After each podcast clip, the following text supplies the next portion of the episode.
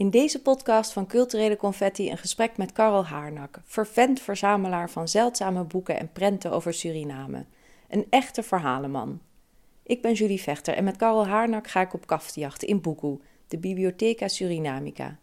Zijn privécollectie bestaat uit 17e, 18e en 19e eeuwse boeken, etsen, manuscripten en verslagen over de geschiedenis van Suriname.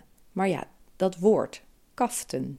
Zo leuk dat al die oude kaften gemarmerd papier hebben als... Uh... Wij noemen het banden. Wij, de bibliofielen. Nou ja, kaften denk ik aan schoolboekjes die gekaft worden. Op bandenjacht dus eigenlijk. Het is een associatieve wandeling langs verhalen die ik op school niet leerde. Van de 18e-eeuwse Engelse abolitionisten tot de 19e-eeuwse Nederlandse schrijver, dichter en predikant Nicolaas Beets, die ook streed voor de afschaffing van slavernij. We praten over een brede blik op de geschiedenis en het belang van het raadplegen van verschillende bronnen. Nuance en nieuwsgierigheid openen voor mij in deze ontmoeting een nieuwe wereld.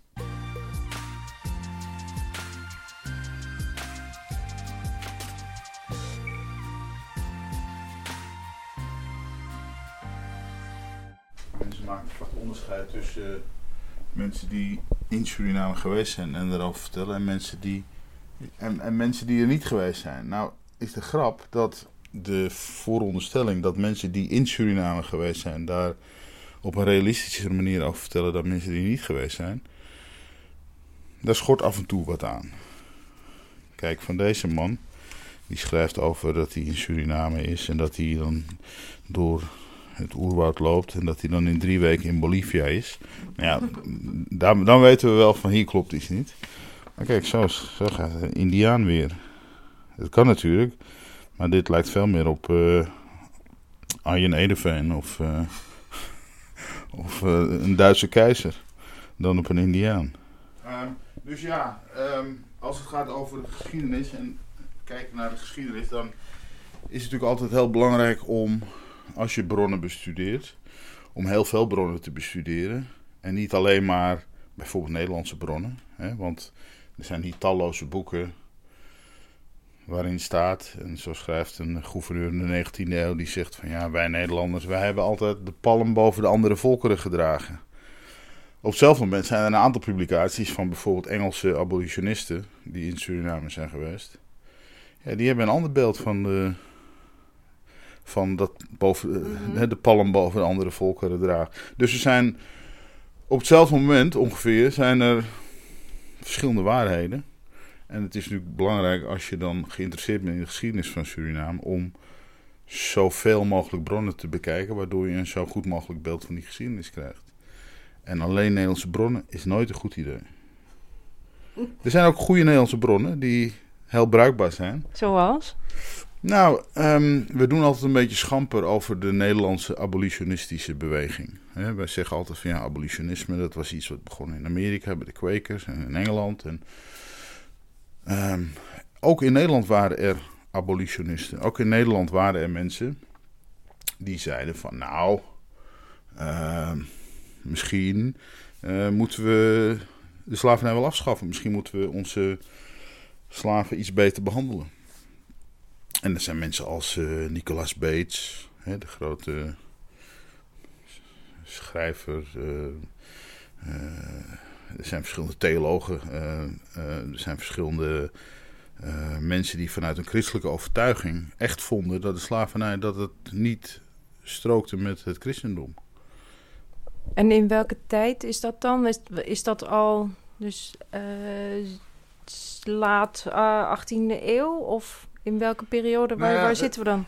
Het interessante eigenlijk van de geschiedenis van Suriname is, is dat vanaf dag één, of eigenlijk voordat de Nederlanders zich uh, meester maakten van de kolonie Suriname, vanaf dag één is er uh, sprake van uh, slavernij.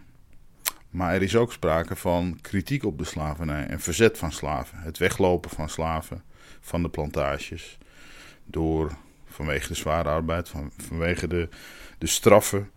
En dat zijn natuurlijk allemaal dingen die, uh, uh, die, die, die, die heel belangrijk zijn. Als we kijken naar bronnen, uh, zelfs 17e eeuwse bronnen.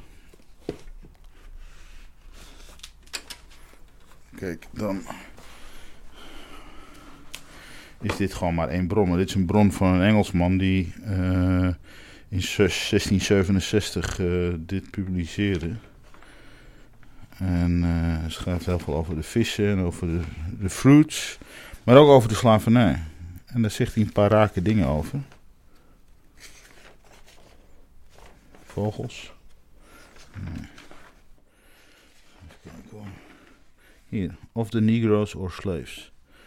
Nou ja, um, ik zal je niet het hele verhaal voorlezen, maar hij zegt eigenlijk van uh, hè, slaven die uit Afrika gebracht zijn en uh, die als honden verkocht werden en die eigenlijk uh, alleen maar voor hun ja, als arbeidskrachten werden, werden ingezet. Hè. Ze moesten de hele week werken, ze kregen slecht eten. Um, want, zegt hij, uh, once or twice a year, their masters would uh, feed them uh, with a, a, little rotten saltfish or a cow or horse.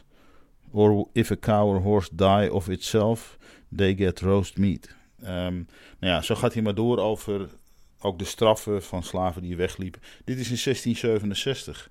Dus dit is een kritiek op de behandeling van slaven in Suriname. En dit is een Engelsman die eigenlijk schrijft over de periode dat Suriname nog in handen van de Engelsen was.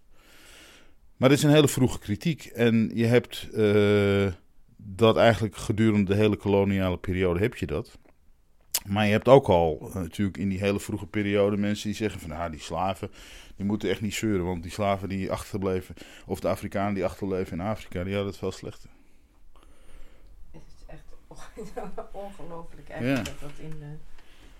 Ja, het is ongelooflijk. Maar weet je, het is nu ook al voor ons heel moeilijk om de wereld waarin we nu leven te begrijpen en te beschrijven. Mm -hmm. want als je nu kijkt wat er in Amerika of in Iran gebeurt, dan als je een, een Iranees vraagt, laat jouw licht hier eens over schijnen, dan krijg je toch een heel ander verhaal dan dat je dat aan Trump vraagt. Um, maar dit is um, het boek Utalissi.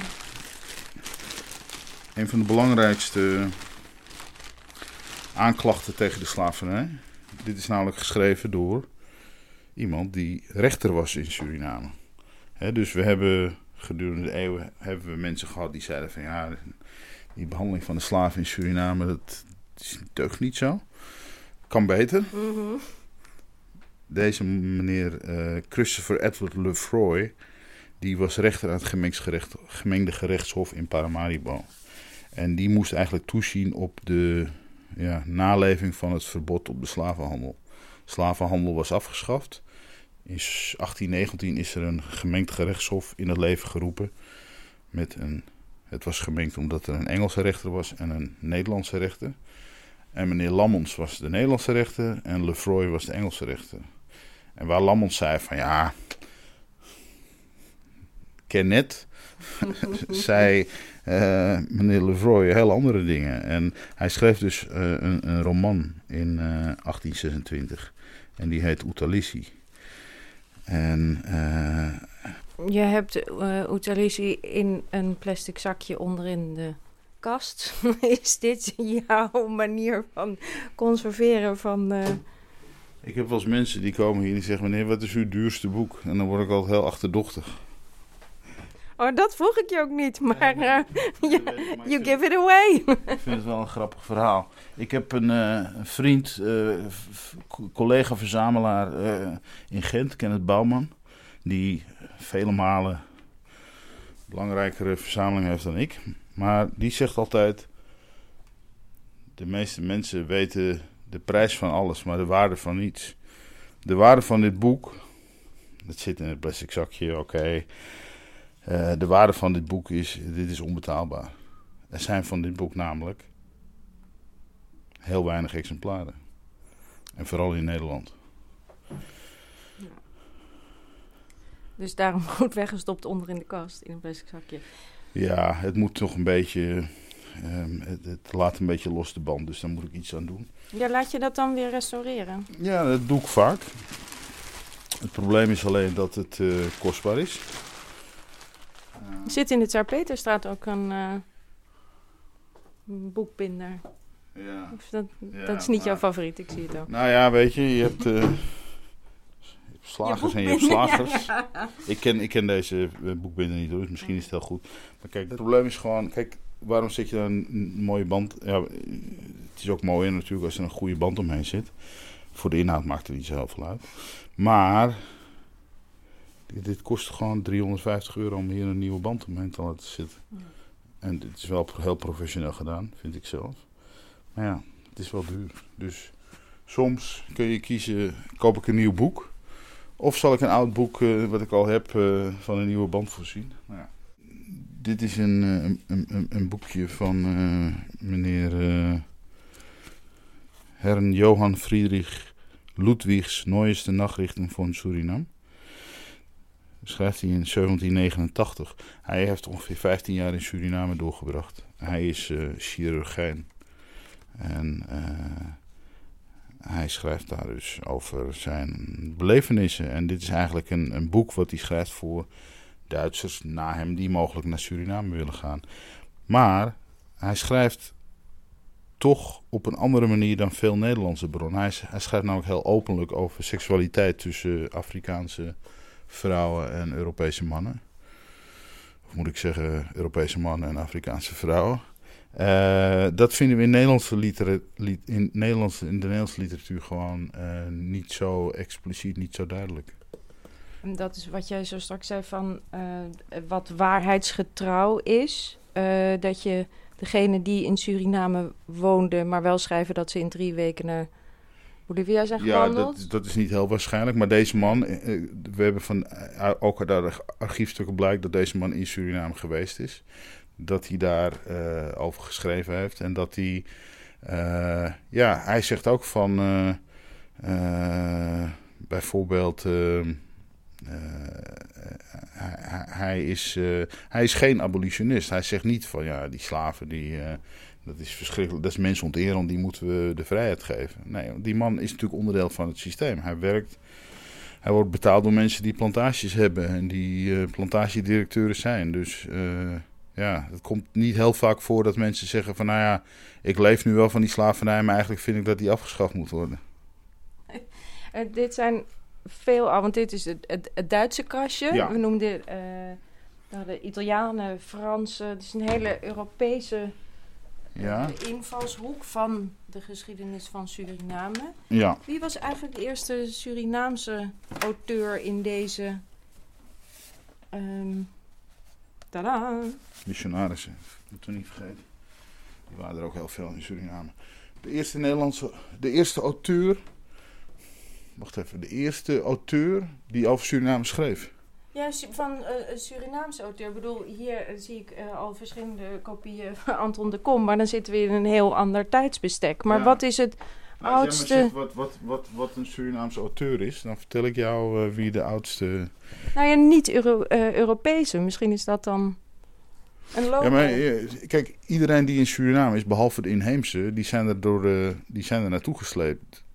Mhm. Door de Nederlanders meestal. Is allemaal... Nou het, het interessante is natuurlijk dat we heel weinig bronnen hebben van, van slaven. En Mhm. dat er heel weinig eh, eh, bronnen zijn die eh, kritisch zijn ten opzichte van het koloniale bestuur. Dus natuurlijk is dat interessant als je zo'n verhaal vert- vertelt. Maar het feit dat iemand in Amsterdam geboren is en dan misschien eh 60 jaar later in Suriname doodgaat.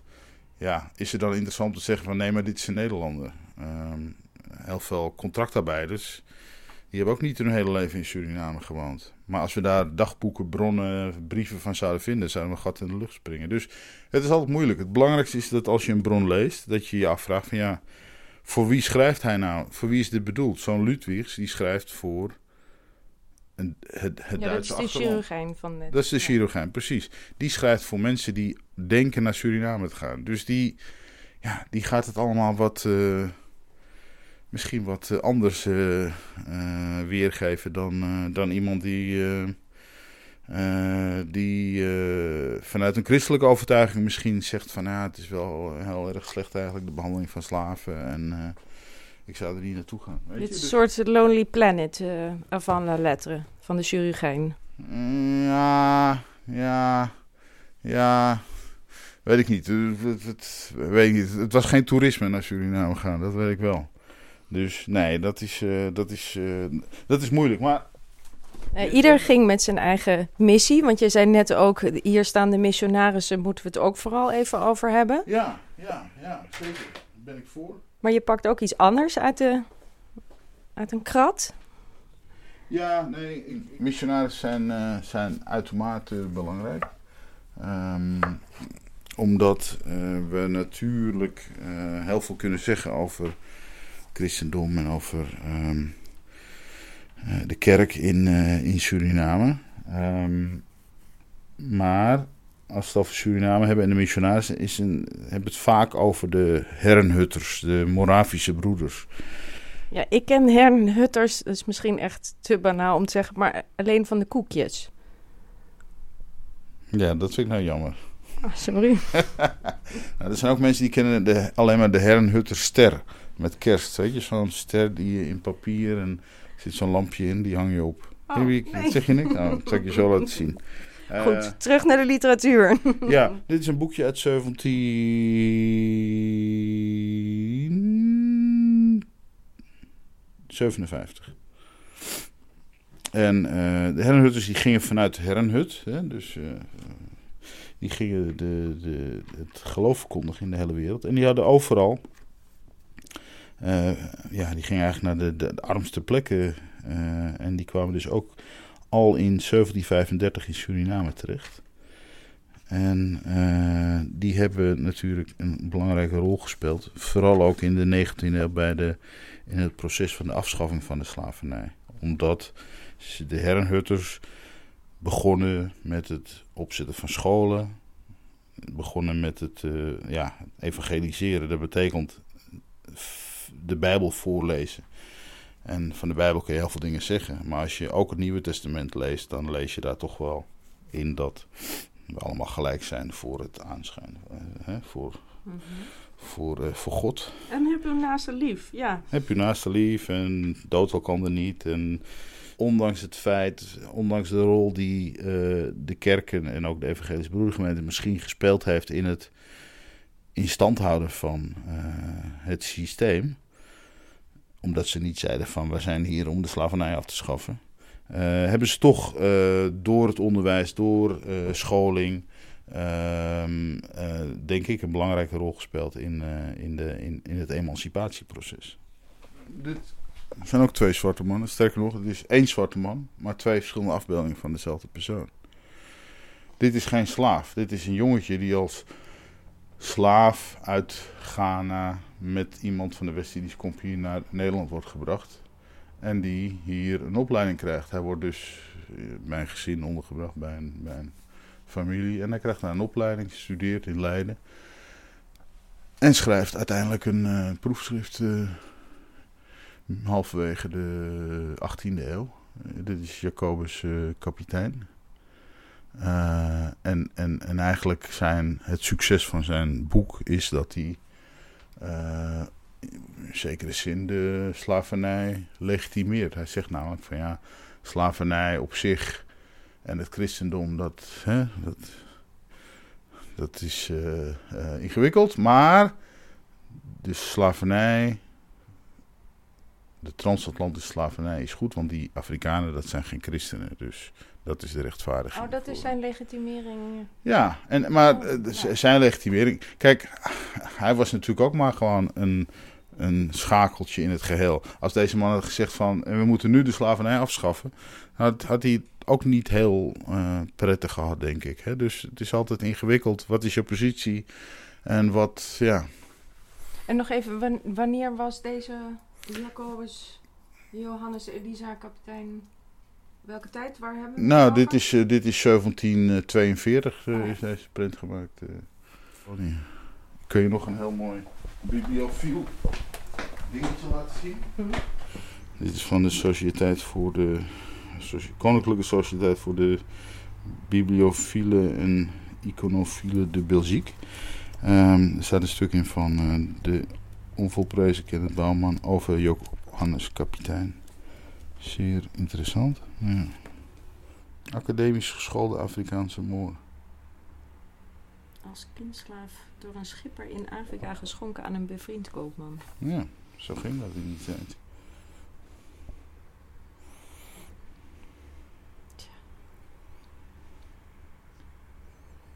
Een academisch geschoolde Afrikaanse moor was destijds bijzonder. Kapitein werd een van de bekendste zwarte Nederlandse gezichten van de Republiek uit medio 18e eeuw. Ja. Dus wij doen altijd wel alsof zwart-wit de scheidsleiding is tussen slaven en niet-slaven. Maar dat is niet zo. Omdat je was niet slaaf omdat je zwart was. Want er waren ook in Suriname vrije zwarte mensen. Het waren er niet veel, maar ze waren er wel. Dus dat wit-zwart, ja, dat is altijd een beetje tricky. Snap je wat ik bedoel? We hebben het vaak ook over mensen als Elisabeth Samson. Een vrije zwarte vrouw. Die de rijkste vrouw was in, op het, in de nieuwe wereld, denk ik misschien wel. Ze had heel veel plantages, heel veel slaven. Maar ja, ehm, dat maakte. eh, het was niet zo dat eh, zij nou liever was voor haar slaven dan witte eigenaren. Snap je? Maar even terug het verhaal van Mhm. wat je ook wil met je bibliotheek, met boeken, is een gedeelde geschiedenis vertellen, ontsluiten, tonen. Eh, Ja. Surinaamse geschiedenis is een Nederlandse geschiedenis, is een Europese geschiedenis. ja. En gaat in die zin niet over zwart en wit. Of hangt niet aan kleur in het vertellen van het verhaal. Nou ja, je, je vertelt heel veel verhalen, of je leest heel veel verhalen. En die hebben allemaal natuurlijk te maken met zwart en wit. Maar als zwart en wit je uitgangspunt is, als dat jouw kompas is waarmee je door die geschiedenis wil lopen, kom je dus in de knel. Omdat er heel veel eh, witte mensen bijvoorbeeld eh, heel kritisch waren ten opzichte van de behandeling van slaaf. Voorstanders van de afschaffing van de slavernij, wat ik al noemde. Ja, eh, die, die zet je dan aan de kant. De- die, die, die verwaarloos je. En ja, het gaat over gedeelde geschiedenis. En natuurlijk zijn er afschuwelijke verhalen en die kan je allemaal vertellen. Maar waar het om gaat is, is dat je eh, ook laat zien dat er, ehm, dat er een eh, gedeelde geschiedenis was en een gemengde geschiedenis. Waarbij ehm, ja, je met eh, alleen maar goed en fout, zwart en wit niet uit de voeten komt. En zo straks in dat boek van die rechter, wiens naam niet op het titelblad staat van het boek. Was dat om zijn ja, bescherming van zijn eigen functie? Of Nou, hij schrijft in het eh, voorwoord van het boek, beschrijft hij, hij zegt ja, ik ben in Suriname gekomen met wat, eh, er waren wat mensen om me heen en één daarvan overleed en ik kreeg van hem een pak papier. En hij zegt ja, of dit, hè, ik begon het te lezen, was zeer interessant. En of het nou, het is in, in Engel- Engels geschreven, hij zegt of het nou a little bit of truth is with a lot of fiction or a little bit of fiction with a lot of truth. The reader is as good a judge as I am. Dus hij zegt, ik laat het aan de lezer over om te bepalen wat waar is en wat niet waar is. En hij zegt ook, iedere, iedere eh, overeenkomst met eh, personen die in de kolonie leven is, eh, berust puur op toeval. Deze laatste woorden komen uit Utalissi, de roman uit 1826 die anoniem werd uitgegeven en geschreven werd door de Engelse rechter Christopher Atwood Lefroy. Het is aan de lezer, of aan de luisteraar uiteraard. Dit was de podcast van Culturele Confetti met boekelman Karel Haarnak. Dankjewel voor het luisteren.